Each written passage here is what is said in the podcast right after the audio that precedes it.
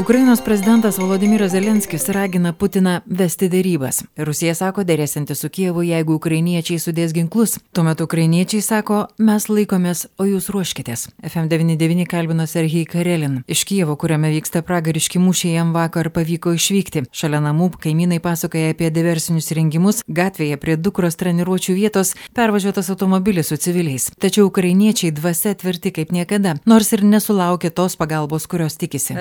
Serhijai, Сергей, vyksta Киеве? Ну, в целом, прежде всего, российские войска атакуют Киев с разных направлений, это раз. Они пытаются обойти Киев со всех сторон, получается, в осаду взять и smestyti, prежде всего, как они заявляют. Pirmiausia, Rusijos kariuomenė atakuoja iš visų pusių, bando apsupti Kijevą ir pakeisti, kaip jie teigia, Kijevo vyriausybę bei pašalinti nacionalistus.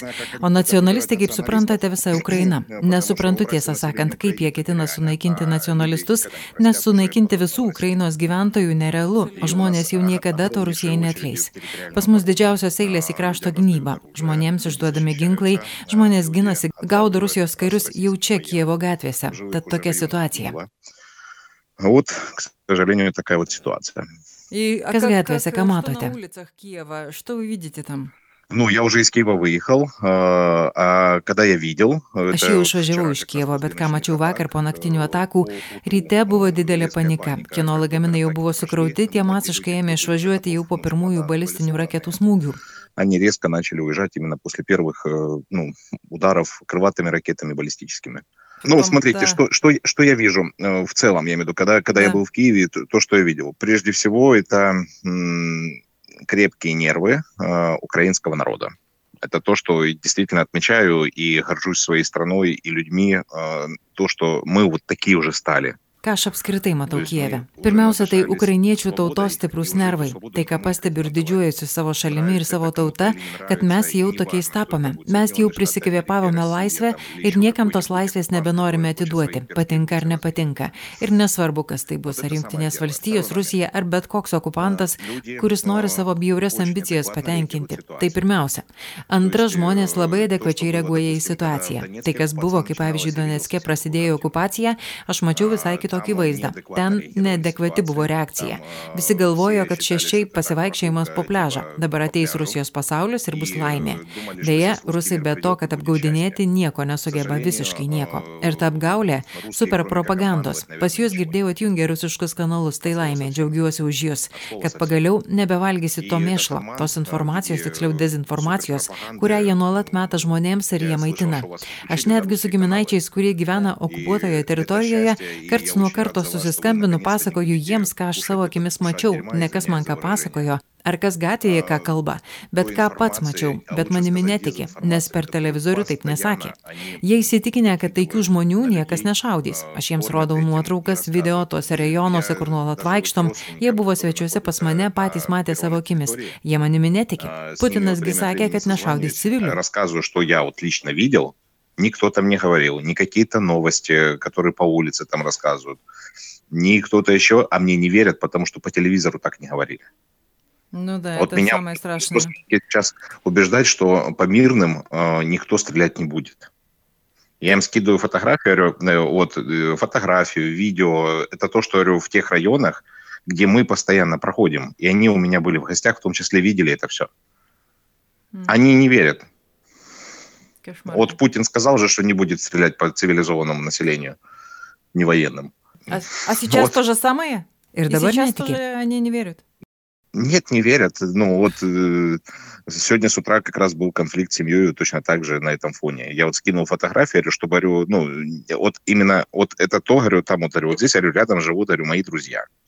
Вот здесь, говорю, там, ну, тут как вот и вам рассказываю, там вот, вот проходит то-то, то-то. То есть, допустим, я прекрасно знаю эти места. Netiki. Šį rytą kaip tik buvo konfliktas su šeima tą pačią temą. Aš jiems nusinčiau nuotraukas, rodau, kad čia gyvena mano draugai, čia yra tas ir tas, aš puikiai žinau tas vietas. Ten pilna įvairių rakursų, pririštų prie vietos, nuotraukos naujos. Jūs viską meluojat, o kodėl tada jūsų televizija to nerodo? O jūs ją žiūrit apskritai, kad suprasti, kad alternatyvus požiūris gali būti. Patikėję rusišką propagandą padarė iš to religiją tapot visiškai svargais ir nenorite suprasti, kas vyksta aplink, dėja kaip ir daugelis Rusijos gyventojų. Matėm vakar palaikymą iš Rusijos, Piterio Maskvos. Buvo labai malonu, kad žmonės nebeingi situacijai, jie supranta, kad jų lyderis išprotėjęs idiotas šizofrenikas, kuris nusprendė pradėti dėja, kaip man atrodo, ne karą Ukrainos teritorijoje, o trečią pasaulinį karą.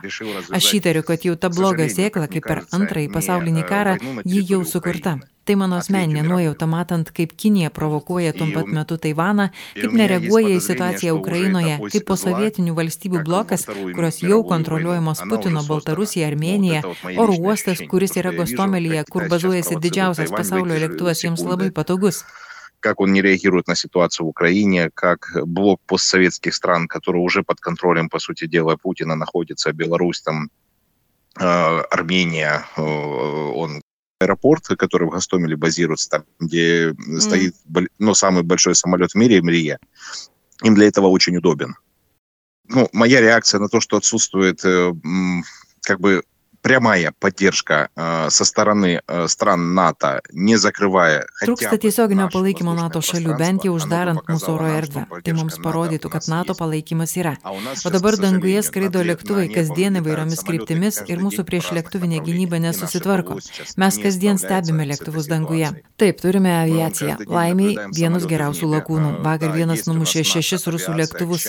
Jau turi pravardę Ukrainos vaiduoklis. Tai yra toks, kuris gali naikinti šias pajėgas. Laimė, kad turime tokius asus ir kad jie padeda žemės pajėgoms susitvarkyti su šia situacija, kuri dėja susiklostė. То есть тот, который может э, уничтожать эти войска. И к счастью, что у нас такие асы есть, и, и то, что они помогают наземным войскам э, справляться с той ситуацией, которая, к сожалению, сейчас складывается. Kiek girdžiu, ukrainiečiai tvirtai tiki, kad jų kariuomenė nugalės. Вы вот смотрите, я вот э, хочу дать главный посыл, э, то, чего боится Россия э, в целом, почему ей Украина поперек горла. Žiūrėkit, aš noriu pasakyti, ko labiausiai bijo Rusija. Kodėl jai Ukraina stovi gerklėje. Jei nežinot istorijos, tai su Ukrainos pasipriešinimo armija Rusija kovojo praktiškai iki 70-ųjų, gaudė, naikino ir taip toliau, kai karas jau buvo pasibaigęs. Tai Ukrainos pasipriešinimo armija buvo nedidelis kiekis žmonių, patriotų, kurie norėjo atstovėti savo nepriklausomybę, savo teisę kalbėti savo kalbą, savo teisę turėti tautybę, kokią jie nori ir nevergauti ar lankstytis kažkam. Tad dabar tokių žmonių Ukrainoje jau per 2 milijonus, kurie užsirašė į krašto gynybą tai tik tie, kurie jau užsirašė, o dar kiek eilėse stovi ir užsirašinėja. Jie stovės iki galo, nepriklausomai nuo to, ar kris mūsų vyriausybė Kijeve ar ne. Tai tie žmonės, kurie namuose. Jei pažiūrėsite kokiuose nors viešuosiuose kanaluose, kaip skirtingai nuo Donetsko ir Luhansko reaguoja Ukrainos žmonės. Ko jūs čia atėjot, jūsų niekas čia nelaukia, jūsų čia niekam nereikia. Čia žmonės, kurie prieš automatus nebijo tai sakyti. Donetske bijojo, čia nebijo, nebėra kur trauktis. Vakarai mums aiškiai parodė, mes nekariausim. Tai reiškia, kad esam patys už save. Žmonės tokioje situacijoje, kaip žvėris įvarytas į kampą, ginasi maksimaliai kiek gali. Ir mes tapom tokiais įvarytais į kampą, kad kandžiosimės, graušime. То есть это люди viską. не боятся сейчас под автоматами говорить. В Донецке боялись. Здесь не боятся. Здесь уже просто отступать некуда. Запад нам четко показал, мы не будем вступать в войну, значит, мы становимся сами по себе. Ну, да. И люди э, в такой ситуации зверь, загнанный в клетке, он будет обороняться максимально, насколько может. А мы стали такими зверьми, что будем кусаться, грызть и все что угодно делать. Ačiū Jums, laikykitės. Спасибо. А вы готовьтесь, самое ключевое. У вас, у вас э, есть время. O jūs ruoškitės. Jūs turit laiko pasiruošti, tad ruoškitės. Esu tikras, kad ties mumis nesustos. Nors mes ginsimės, kiek galėsim. Tai gaila, kad mes tapom tuo ginamuoju buferiu, kuris dabar maksimaliai paguldys šitą armiją, kiek galės, kad rytoj jums būtų kuo ją pribaigti. Kaip buvo, kai Junktinės valstijos įstojo į antrąjį pasaulinį karą. Ir laimė jūsų žmonių nukentės mažiau nei mūsų. O mes... К счастью, что ваших граждан пострадает меньше, чем наших. А мы уже страдаем. Radio stočiai FM99 iš Ukrainos kalbėjo Serhij Karelin. Jį kalbino Vilija Kvedaraitė.